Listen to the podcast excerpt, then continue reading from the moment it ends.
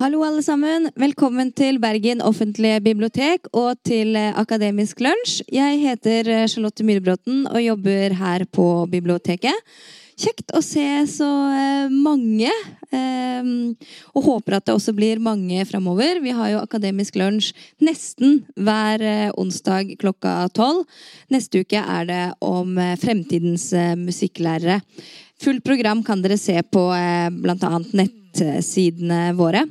Akademisk lunsj er et eh, samarbeid mellom Universitetsbiblioteket, Bergen Bibliotek, Høgskolen og NHH. Og I dag er vi veldig glad for at vi skal ha et eh, foredrag av Olga Dyste om eh, dialogisk pedagogikk. Så eh, gi henne en eh, varm applaus. Velkommen.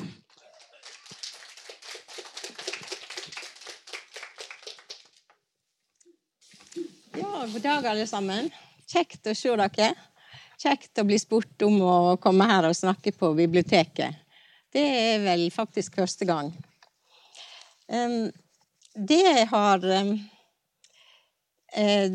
kort jeg har tenkt å snakke om, det er for det første hva som har vært viktig for meg, og hvorfor. Jeg har valgt en mer personlig inngang til dette temaet enn det jeg vanligvis bruker. Så litt om inspirasjon fra dialogfilosofer, ikke minst Bakhtin. Og litt til slutt om noen praksiseksempel. Jeg har ofte blitt spurt om hva det er som gjør at jeg i en alder av 81 år velger å bruke så mye tid på å skrive og snakke om pedagogiske spørsmål, når det er så mye annet jeg kunne ha brukt pensjonisttida mi til. Grunnen er ei djup overtyding om at det å fremme, fremme en form for dialog som samtidig er respektfull, kritisk og kreativ, ikke bare handler om å forbedre skole og høyere utdanning, men helt, men, uh, helt overordna så betyr det å sette den neste generasjonen i stand til å tenke, lytte, tale og skrive og slik bli aktive medborgere i samfunnet vårt og redde et demokrati i krise. Store ord? Ja. Men slik jeg ser det, så handler det om summen av talløse små eh, valg som undervisere gjør i møte med elever og studenter hver eneste dag. Dialog er nemlig ikke medfødt og må trenes. Og Derfor er pedagogikk viktig men dessverre nedvurdert fag i samfunnet vårt. Eh, Sjøl har jeg bakgrunn fra humanistisk fakultet på universitetet.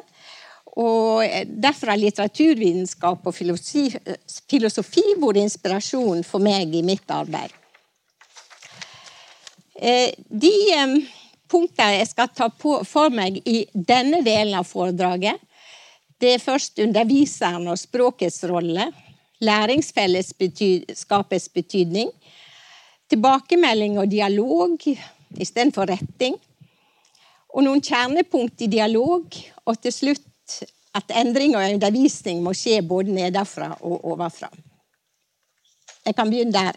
Først vil jeg illustrere gjennom å fortelle om en egen lærer gjennom sju år. Og i alle fag. På den vesle hvitmåla grendaskolen på Bergsida i Stryn der jeg vokste opp.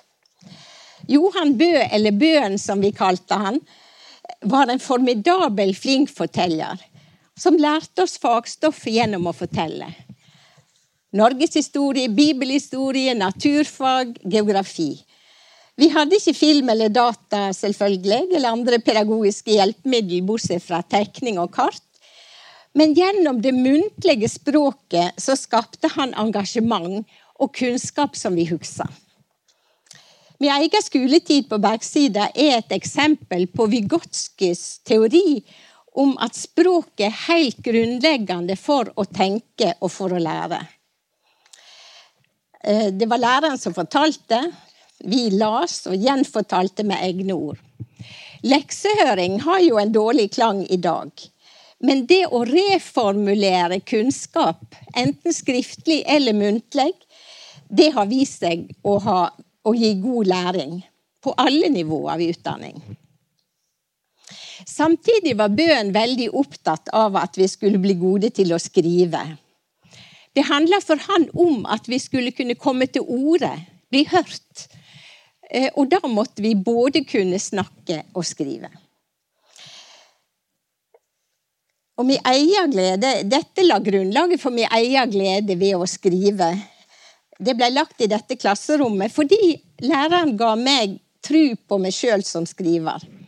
Og det går ei linje herifra og til tittelen på doktorgradsavhandlinga mi 'Skriving og samtale for å lære', der jeg observerte hvordan lærere i klasserom i USA og i Norge brukte eh, skriving og samtale for, som redskap for læring og danning og, og um, utvikling.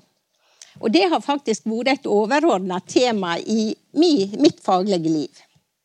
Jeg har tatt konsekvensen av forskning som viser at det å skrive hjelper elevene og studentene til å tenke. Ikke minst fordi at det som, det som du skriver, setter på papiret, har en slags permanens. Det kan alltid forbedres og danne grunnlaget for videre tenking. Det andre poenget mitt er fellesskap. Selv om læring er individuelt, og på den måten ingen andre kan lære for oss, så lærer vi svært ofte aller best i fellesskap. I dialog og i diskusjon med andre. Dette kan jeg ikke si preger min egen skoletid, heller ikke på Firda gymnas, landsgymnas. Landsgymnasene har jo en veldig godt ry på seg. Ikke minst fordi at de, har, de fikk veldig gode resultat. Eh, men min oppleving var nok at dette var tradisjonell lærerdominert og monologisk undervisning av ganske flinke og motiverte elever. Det var lite rom for elevstemme. Eh, og disse flinke lærerne satt egentlig alltid med fasiten. Til og med når vi diskuterte litteratur. Eller jeg diskuterte ikke litteratur, men når de snakka om litteratur. Og jeg mener nok at vi ville lært mer og blitt bedre kritiske tenkere dersom det hadde vært mer rom for meningsutveksling. For å få fram dette andre poenget som, om, om læring i fellesskap, så vil jeg dele med dere ei sjelsettende oppleving fra da jeg studerte norsk ved Universitetet i Bergen, og hadde professor Noreng som underviser i litteratur. Da Olav H. Hauge ga ut diktsamlinga på Ørnetuva, så inviterte Noreng oss norskstudenter med på helgeseminar på universitetshytta på Ustadhuset. Der gikk vi på ski om formiddagen, og samtalte oss gjennom alle de sentrale dikta i denne flotte boka om ettermiddagen og utover natta. Studenter som vi var, så hadde vi til da bare hørt i andakt på den glimrende forelesningene til denne kunnskapsrike professoren. Og sett på hans ord som fasit. Nå satt vi timevis og delte vår egen forståing av dikta og vi ble tatt for alvor og ble oppfordra til å være uenige og argumentere for vårt eget, vårt eget syn eh, på dikta. Og da ble vi nødt til å reflektere over hva vi sjøl mente i møte med andre som kanskje var helt uenige med oss. Det ga oss nye tanker og utvida forståing, enten vi skifter mening eller ikke. Jeg glemmer det aldri og det gjorde meg mottakelig for den russiske språk-, kultur- og dialogfilosofen Mikhail Bakhtin, som understreker og jeg siterer, det er i spenninga, iblant konfrontasjonen med, mellom ulike syn, at nye tanker oppstår, og vi har sjansen til å utvide vår forståing. Og dette har vært grunnleggende i, grunnleggende i dialogisk pedagogikk. Det tredje poenget mitt det er at ny skrivepedagogikk var min og mange andres inngang til å arbeide dialogisk i praksis. Og for meg starta dette mens jeg var eh, mens jeg var lektor på Kongsbakken gymnas, som det heter da, i Tromsø. I de åra jeg underviste på gymnaset, hadde jeg alltid to klasser i norsk og én i engelsk. Og det førte til enormt mye retting, og elevene sine av elevene sine ferdige innleverte tekster. Da var ikke det mye rom for dialog med elevene. De som fikk god karakter, de så bare på karakterene. Og de som fikk dårlig karakter, krølla ofte besvarelsen sammen og hifte den i bosskorga. I frustrasjon. Derfor ble jeg veldig glad når jeg oppdaga eh, den nye skrivepedagogikken, såkalt prosessorientert skriving, som innebar at elevene fikk hjelp av læreren og gjerne hverandre underveis i prosessen. Og nøkkelordet er underveis. På det tidspunktet da er de mottakelige for dialog, både om innhold og form. I dag er dette blitt helt vanlig både i skole og høyere utdanning. Selv om det fremdeles fins gammeldags skriveopplæring, noe som jeg har opplevd. Jeg har tolv barnebarn, og noen har vært utsatt for det gamle, det er sånn som jeg underviste i gamle dager. Da jeg skrev Eh, jeg skrev boka 'Ord på nye spor'. I eh, innføring prosessorientert skriving mens jeg underviste på Kongsbakken. Og prøvde ut i praksis det jeg skrev om der, sammen med kollegaer. Og jeg tror kanskje at det er grunnen til at eh, denne boka ble så mye brukt i Skandinavia. Læringseffekten av tilbakemelding den er dokumentert gjennom talløse internasjonale forskningsstudier. Og Derfor er i dag eh, tilbakemelding underveis blitt innarbeidet eh, overalt, egentlig. Denne overgangen fra retting til rettledning underveis ser jeg på som dialogisk pedagogikk i praksis. Men selv om forma er dialogisk, i hvert fall ofte, så vet vi alle at rettledning fremdeles kan være svært autoritativ, og til forveksling ligne på retting. Da må jeg fortelle dere om en, en kjent dialogpedagog i, i eh, USA som jeg kjenner svært godt. Han har også vært tre måneder gjesteprofessor ved Universitetet i Bergen, Eugene Matusov, som er russisk-amerikaner.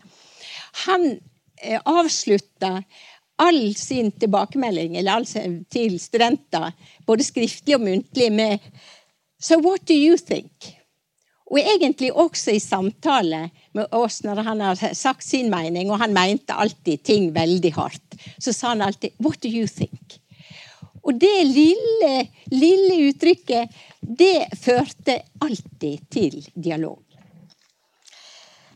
Mitt fjerde poeng er at, en, at noen sentrale kjennetegn ved dialogpedagogikk er mer aktuelt i dag enn noen gang.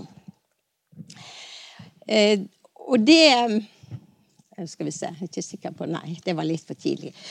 Eh, de får se på Kongsbakken en stund til. Eh, Først handler det om kunsten å lytte. Det er ikke medfødt, og enkelte lærer det aldri.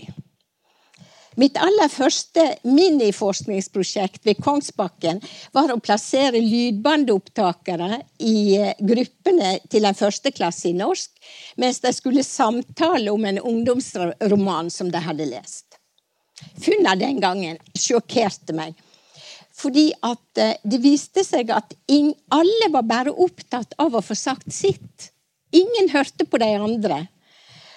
Og dermed så brukte ikke de kameratene det de mente, til å tenke videre med, enn eventuelt å få nye syns på romanen. Dermed lærte de heller svært lite av gruppearbeidet.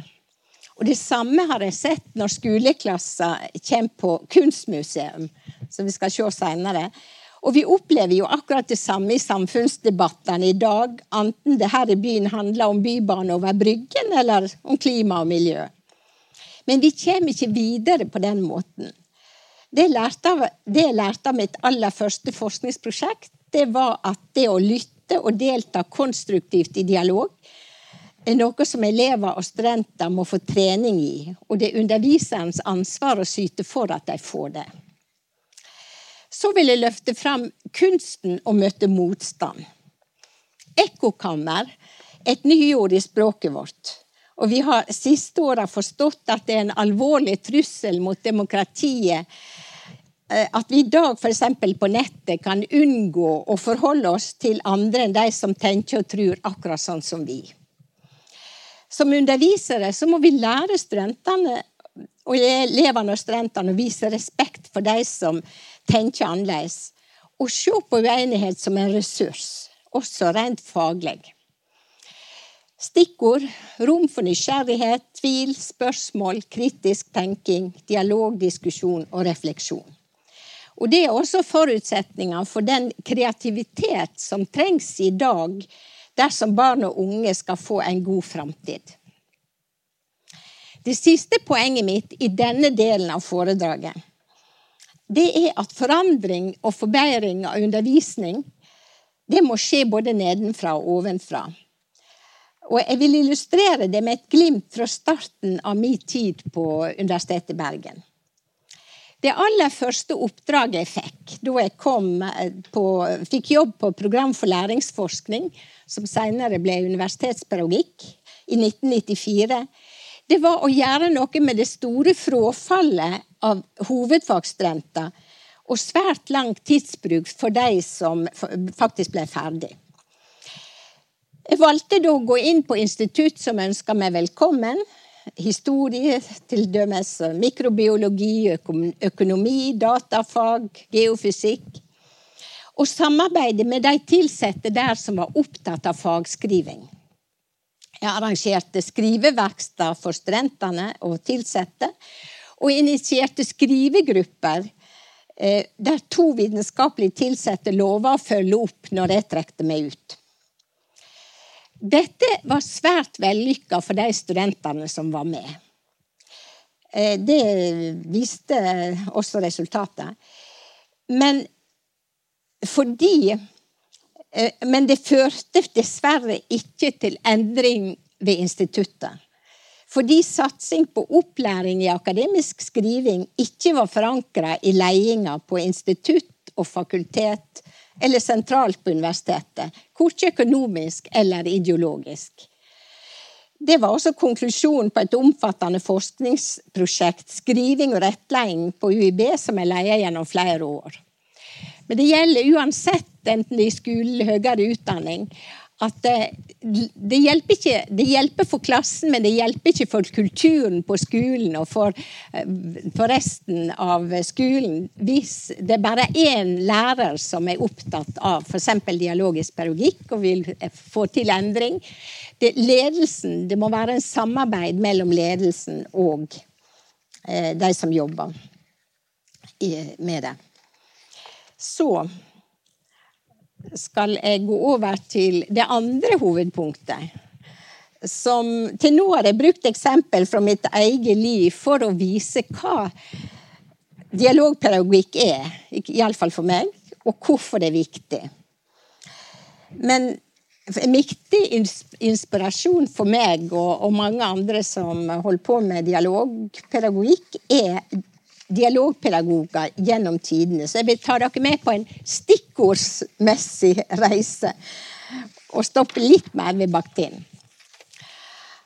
Eh, Platon har formidla til oss den sokratiske dialogen, der kunnskapssøkende menn gjennom maktfri argumentasjon skulle oppdage sanninger med stor S. Kjernen var veging av argument for og mot. Så et langt hopp til Grundtvig, som vi kjenner best fra hans vektlegging av den munnlige samtalen, eller det levende ordet, som han brukte sjøl å kalle det. Han har hatt stor innflytelse i Danmark og gjennom folkehøgskolen også her i Norge. Arven fra Grundtvig er nok eh, er nok viktigste grunnen til at eh, interessen for dialogisk pedagogikk blant lærere i Danmark er betydelig større enn i Norge. Løkstrup, som også var dansk, understreker den etiske fordringa i all kommunikasjon. Eh, når vi har med andre mennesker å gjøre, så holder vi en bit av livet deres i, i, vår hand, skrev Løkstrup i 1956. Gardemar gjorde oss medvitne om hvor ulik forståelseshorisont vi mennesker faktisk har, og dermed hvor nødvendig det er å lytte for å forstå den andre. Den hermenøytiske samtalen handler om at vi alle skal få legge fram alle skal få legge fram sine perspektiv og forsøke å sammenligne disse. Freire så på dialogen først og fremst som et middel til politisk frigjøring. Han jo, bodde jo i Brasil men han i den første delen av livet, men han har vært til stor inspirasjon eh, internasjonalt.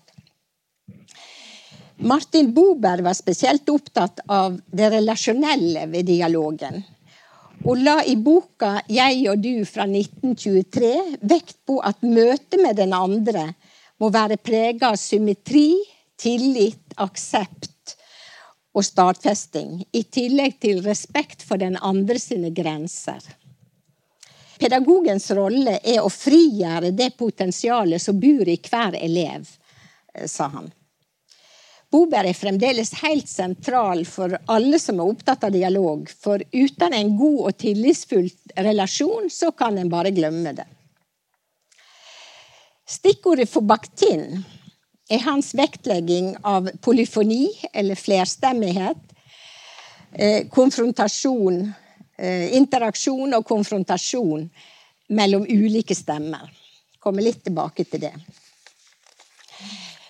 Eh, jeg sa at Habermas eh, var mest opptatt av det relasjonsorienterte, mens Jørgen Habermas er, sin diskursetikk er primært saksorientert.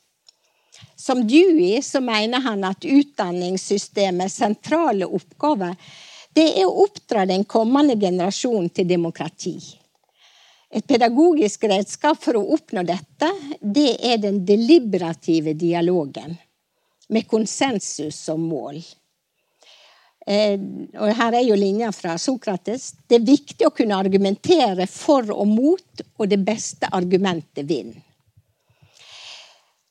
Et poeng med denne knappe oversikta, det er å løfte fram to forskjellige typer dialog. Det ene er da den nettopp nevnte, den deliberative dialogen med konsensus og mål.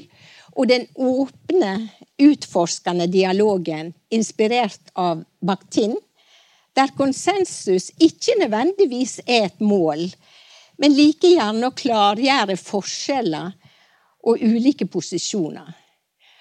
Og slik er det vel også i undervisninga, at eh, det er ikke alltid nødvendig at vi skal bli enige, men det å klargjøre og skjønne de andre posisjonene. Jeg ser det sånn at begge typer dialog eh, har sin plass i utdanninga på alle nivå, og begge må trenes. Så noen få ord eh, mer om Bakhtin, både fordi han har vært viktig for meg, men han er jo viktig for mange innenfor mange fagfelt.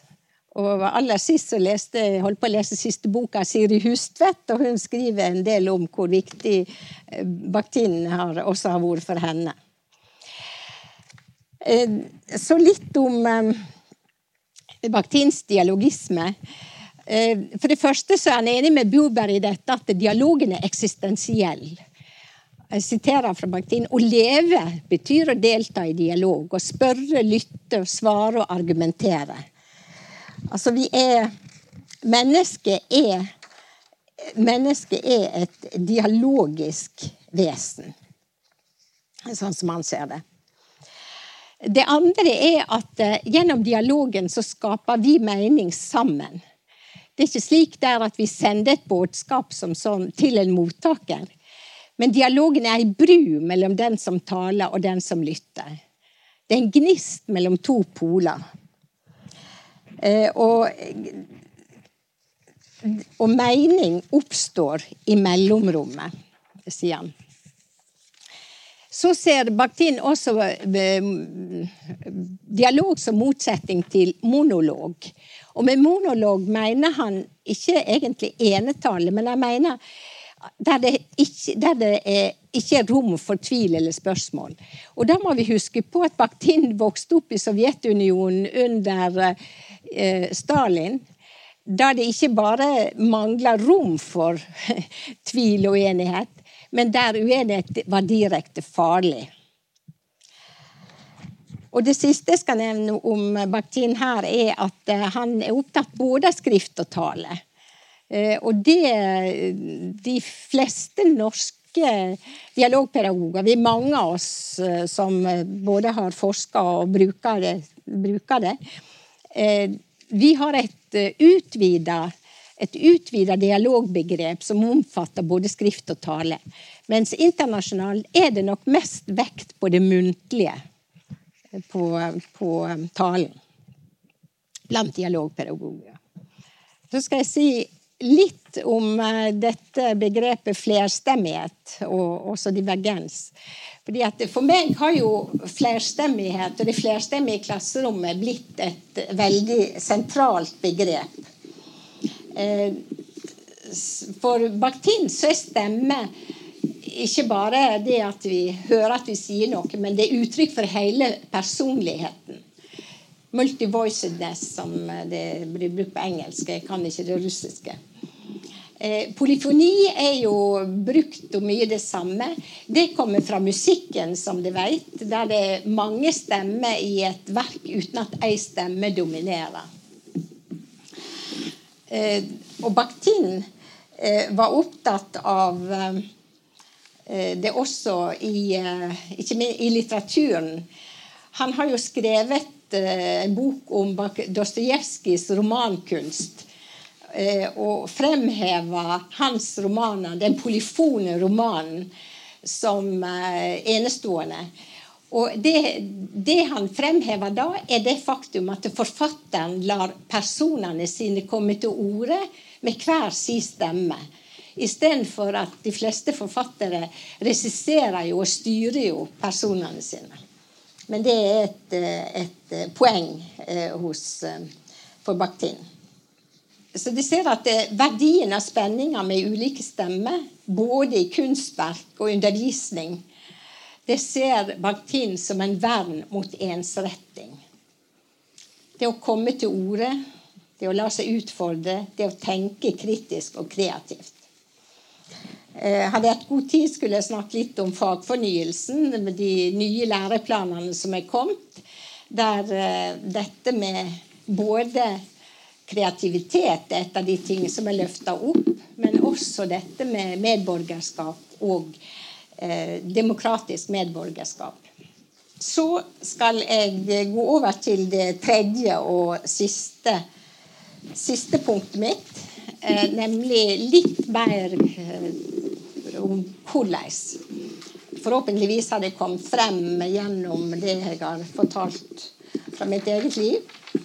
Men først så vil jeg gjerne si det at eh, alle undervisningsformer, også forelesninger, kan i prinsippet fungere dialogisk. Og det fordi at eh, det det handler om, er hvorvidt en åpner opp for undring og tvil og motforestillinger og videretenkning. Hvis en gjør det, så kan en si at alle undervisningsformer er dialogisk. Så jeg, jeg ser ikke på dialogisk pedagogikk primært som en metodikk, en bestemt metodikk. Det er grunnleggende sett en holdning til det å undervise, sånn som jeg tenker det. Men den har jo selvfølgelig eh, må en jo ha et repertoar av, av praksiser som en kan bruke.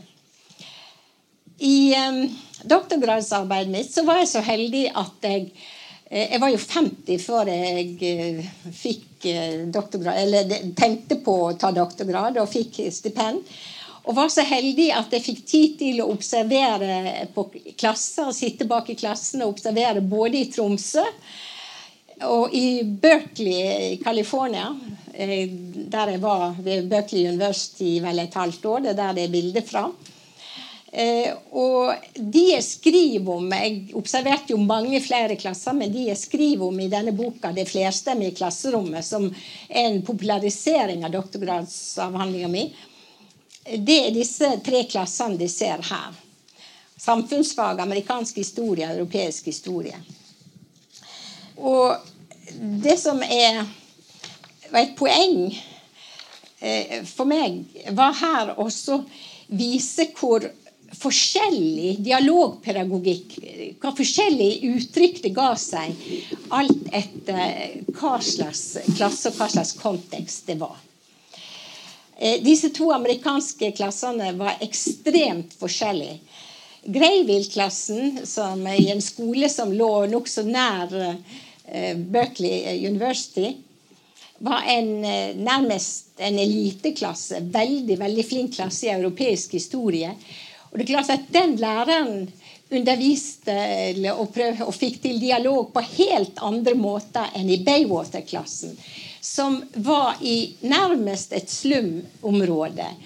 Og der det ikke var noen eh, hvite elever. De var, bare, de var alle enten sorte eller innvandrere fra Mexico og fra Asia.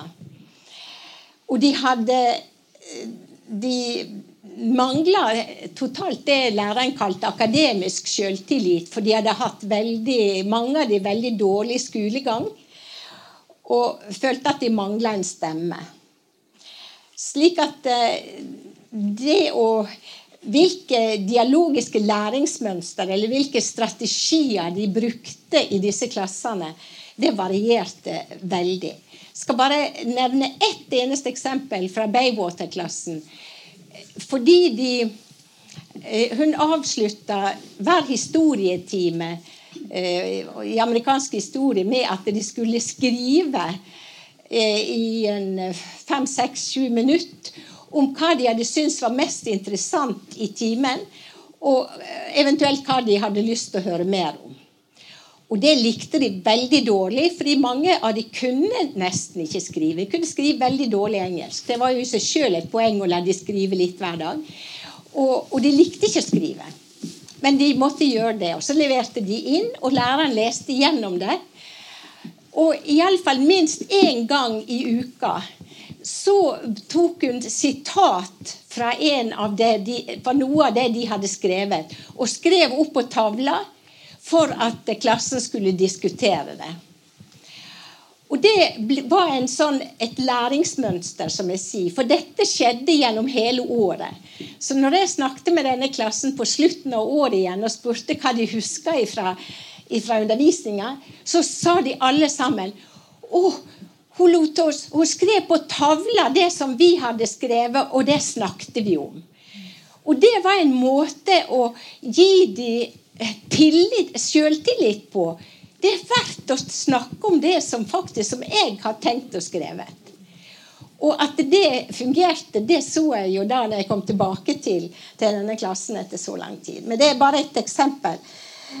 Når jeg sjøl fremdeles kanskje syns at eh, det flerstemmige klasserommet er den beste av de nye ni bøkene jeg har skrevet eller redigert, så er det nok fordi at den eh, gir en stor bredde av hvordan dialogisk pedagogikk kan brukes. Nå var jo Ja. Så skal jeg ta et langt håp fremover til eh, den aller siste artikkelsamlinga som jeg har redigert. Den ligger her. Den er på dansk. Det var Klim Forlag som spurte meg om jeg ville redigere den. Den kom ut i 2020, som de ser. Eh, og der er mange veldig interessante artikler, kan jeg trygt si. Men jeg skal bare nevne her tre av de, eh, fordi at de er bidrag fra Bergen. Jeg redigerte denne boka sammen med Inger, Ingunn Johanne Næss, en kollega av meg. Jobber på Sleit. Og en eh, Preben Kjerkegård, som er lærerutdanner i Aalborg. Eh, jeg skal bare nevne det. Sjøl skriver jeg en artikkel der om lærerens rolle. Eh, Svein Olav Norenes, som jobber på fylket her, eh, skriver om språkets rolle i matematikkfaget. Og det er det veldig mange som har skrevet og jobba med. fordi at språket er veldig viktig i matematikk. På den ene siden det er hvordan elevene kan greie å, å forklare sin egen forståelse med egne ord. Men de er også nødt til å lære fagspråket og, og hvordan, for å kunne skjønne og bruke matematikk. Og Inger Johanne, snakker, Johanne Næss skriver om kreative læringsprosesser. Vi skal se litt nærmere på det. Eh, den læreren jeg skriver om i denne boka, hun heter Joan Cohn. Og her er hun. Jeg kjenner henne ganske godt da jeg blir kjent med Hun fortalte meg at hun begynte sin virksomhet som freds, hva det heter nå, fredsprosjektdeltaker i Afrika. Og sist, for fire år siden, jeg hadde kontakt med henne, så var hun faktisk i Kasakhstan. Fordi at mannen var der, og hun, lærte, hun underviste lærere i Kasakhstan å, å gi tilbakemelding på tekst, for de drev gammeldags skriveopplæring der. Jeg skal ikke gå inn på eh, Det er ikke tid til å gå inn på eh, noe her. Jeg skal bare ta to sitat fra henne. Hun sa utdanning handler ikke om å fylle ei bøtte, men om å tenne en eld. Eh, de tror det er Plutark har sagt det først. Og jeg syns at det er et utrolig viktig og eh, viktig ting å, å, huske på. Det betydde for henne at hun var veldig opptatt av å få elevene sine engasjert i, i faget. Få de til å Det kunne bli i en time eller i et tema, og gjerne provosere dem, men få de til å bli så interessert at de begynte å, å tenke og jobbe på egen hånd. Det er stor forskjell på det, hvor mye de faktisk lærer ved det.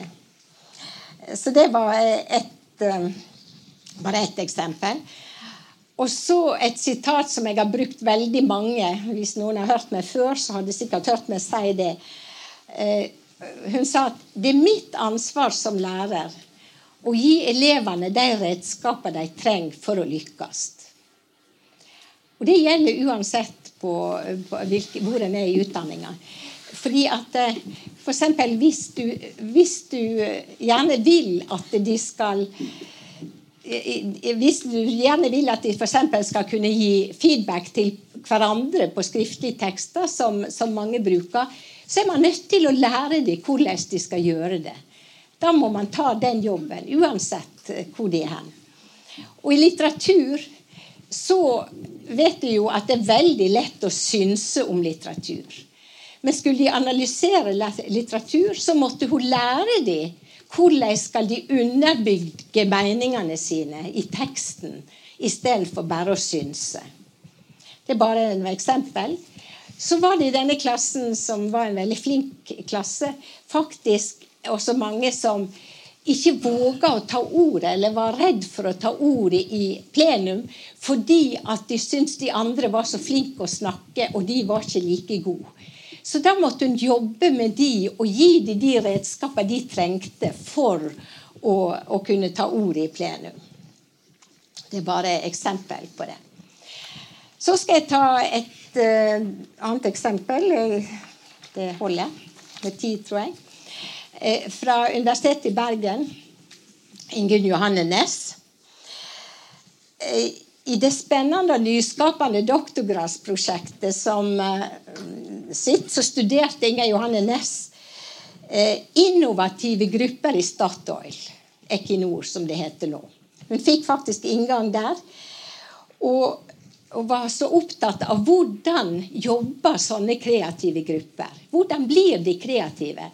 For hun var ikke opptatt av den individuelle kreativiteten så mye som den kollektive kreativiteten. Hvordan grupper, hvordan man sammen er kreative. Eh, og Et karakteristisk trekk der var jo selvfølgelig at eksperter fra mange forskjellige områder presenterte sin kunnskap om det temaet som de var opptatt av i gruppen. Noe som skapte det som hun kalte det polyfoniske mulighetsrom for nytenkning, for kreativitet og innovasjon. Eh, altså et flerstemmig mulighetsrom og så, jobbet, så hun, studerte hun veldig detaljert hvordan måte de, dette kunne fungere. Og mye som virker mot det, men, men, det er veldig interessant. Men poenget her er at dette har Ness omsatt til en modell for arbeid i tverrfaglige grupper blant studenter. Og Formålet det var da at studentene er nødt til å bli konfrontert med andre sin fagkunnskap, og dermed håndtere eh, ulike perspektiv og ulike måter å, å, forstå ting på. Så forklarte hun de formålet og ga de kjøreregler for diskusjonen. Eh, F.eks. de skulle være åpne og nysgjerrige og stille spørsmål og, eh, om det de ikke forsto. Og formulere hva det var de ikke forsto. Det er jo noe som er, er ganske viktig. Formulere hva det er man faktisk ikke hva forskjellene gikk ut på. Og selvfølgelig ha respekt for hverandres synspunkt. Eh, studentene som var med på desse, dette opplegget, var, syntes det var vanskelig. For de var ikke vant til å møte så mye eh, forskjeller, egentlig. Men, men de eh, syntes de lærte mye ut av det. Så skal jeg ta nå må jeg gå litt fort, noen eksempel fra en bok om museumspedagogikk som kom ut i 2012. Bakgrunnen for den boka det er at um, jeg ble spurt om å være med i um, et stort prosjekt, eller det som ble et stort prosjekt på Sju kunstmuseum i København. Det ble kalt Medborgerskapsprosjektet. Det Initiativet var tatt av en gruppe museumspedagoger som ønska å bryte den nokså monologiske eh, tradisjonen på museum og prøve ut en mer dialogbasert undervisning av skoleklasser som kom på besøk. Det var utrolig spennende. Og det endte da til slutt i eh, denne boka, som jeg skrev sammen med, med to av museumspedagogene. Eh, og den har en teoridel, og den har sju case-studier, og også en en måte en, eh, til slutt en rettledning og råd. Eh, jeg skal ta et eksempel herfra. Konkret eksempel fra et museum. Dette er fra KØS, som er forkorting for Museum for kunst i det offentlige rom. Og det bildet de ser her ja, Dette er altså Bjørn Nørgaard, som er en kjent kunstner i, i Danmark, fikk i oppdrag å lage skisse til dronningens gobeleng. Til hennes 60-årsdag så eh, skulle hun få uh, flere sånne vevde gobeleng. Eh, og De skisser henger på dette museet, eller blir tatt frem. Og det er fra forskjellige tidsepoker i dansk historie. Her er fra det 20. århundre et utsnitt av dette her. Og de var alle bygd opp på samme måte. De ser kanskje en, en sånn rad av eh, folk nederst. Og det er da portrett av kjente kunstnere, vitenskapsmenn, eh, folk som har betydd mye for det 20. århundret. Så første del av det her så skulle de gå rundt, og så snakka de sammen med læreren om hva de så i disse forskjellige. Den andre delen så fikk de gruppeoppgaver Eh, for å knytte dette til deres egen virkelighet. Lag plan for en skisse til et nytt gobeleng med personer, hendinger og teknologiske nyvinninger fra de egen tid. Og Der ser dere bilder av de sitter veldig opptatt av å diskutere dette. Og gjett om de var uenige om hvem som skulle få plass. Skulle Madonna ha plass, eller hvem, hvilket av musikerne, hvilket av uh, av vitenskapsfolk og politikere skulle ha plass. Og hvilke hendinger. Så det, det ble veldig dialogisk. Og så et eksempel til. Det er fra Thorvaldsens museum i København, som jeg regner med en del av dere har vært innom. De ser til høyre så ser de bilder av klassen som sitter eh, med læreren framfor eh, museumspedagogen. Framfor en av disse skulpturene. Og jeg må jo innrømme at når jeg kom på dette museet, så tenkte jeg kan de greie å få elever og studenter i dag til å bli interessert i disse gamle skulpturene? Og denne oppgaven de fikk her, var jeg også skeptisk til. Her, det de gjør her, er at de ser på disse bitte små skiltene som står ved siden av hver skulptur. Og så skulle de diskutere konsekvensene av at de endra innholdet i de skiltene. Men de var virkelig interessert i å diskutere det. Kanskje fordi at ungdom i dag er opptatt av layout og sånne ting. Da. Så det var første del. I den andre delen så fikk de gruppeoppgaver der hver gruppe skulle velge seg én skulptur. Og så skulle de lage nye ord til Torvaldsen. Altså et nytt skilt. Og jeg, da, denne gruppa som viser her, de hadde valgt seg denne skulpturen som, he, som heter 'Torvaldsen og håpets gudinne'. Og den autoritative tolkninga av den eh, skulpturen, det er at det viser hans storhet. Han støtter seg på håpets gudinne, og han er på en måte på linje med, med Gud. Han er stor. Eh, disse, denne gruppen da, studerte denne skulpturen veldig grundig. Og I tillegg så undersøkte de på nettet litt om, om hans, eh, hans, eh, liv og hva som sto der. Og så lagde de da en nytt skilt. Mannssjåvinistiske Bertel Thorvaldsen undertrykker håpets gudinne. Meget, meget provoserende. Og så skulle de forsvare sitt Eh, sitt eh, nye, eh, nye skilt. Og det ble en meget livlig diskusjon. Jeg skriver litt om det i en artikkel som nå kom i april i en ny bok som heter 'Et kunstmuseum i endring'. Det er bare en del av den, den artikkelen. Men, men, det er et eksempel på hvordan de tenkte sjøl og utfordra. Så til slutt et, eh, bare nevne et eksempel fra Kode. De vet jo sikkert at på de fleste museum i dag så tilbyr de omvisning for eh, grupper av demente. Jeg har observert flere av de som underviser der. Og det er helt fascinerende hvordan de greier å få dialog i gang med disse gruppene. Ved å stille åpne spørsmål, ved å verdsette de svarene de gir, og ved å utfordre de. Her er det jo, som dere ser, Astrup. Det, men det er også observert de når de har sett på Picasso. Og det, Hver eneste gang så har de virkelig fått til en dialog. Og jeg tenker på mange av disse som kom med de gruppene at de sjelden bruker språket. Sjelden noen kanskje spør dem og snakker med dem istedenfor å snakke til de. Iallfall så, så er det fantastisk for meg å se at det, det fungerer også der. Og da skal jeg eh, avslutte med noen utfordringer for undervisere i dialogisk pedagogikk, som de forhåpentligvis vil knytte an til noen av dere som har prøvd dette ut. Det er jo helt opplagt at uh, på mange måter vanskeligere enn det er vanskeligere enn å forelese.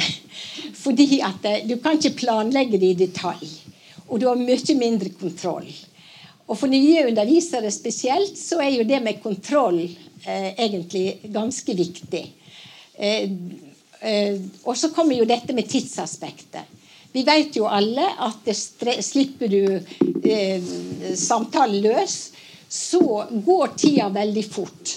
Og, og det å balansere det som jeg skriver nederst, dette dilemmaet å balansere mellom å styre mot mål som du har planlagt, mot åpen dialog, og bruke det elevene kom til, det er ikke så enkelt.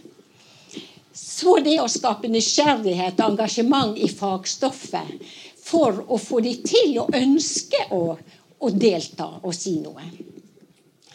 Også dette med at divergens og motsetninger kan være vanskelig å håndtere.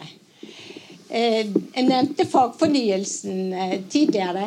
Og jeg så nettopp nå i forrige uke at det kom en ny bok på Universitetsforlaget som faktisk heter noe sånt som um, 'Hvordan undervise i kontroversielle og emosjonelt vanskelige tema'. Og det, De knytter de det til at i fagfornyelsen så skal man gå i dybden. Da skal man bruke tid også nettopp på sånne temaer. Så dette er noen av de utfordringene man har. Og så sier jeg takk for meg og håper at de har spørsmål og innspill. Først og fremst høre om erfaringer dere har gjort.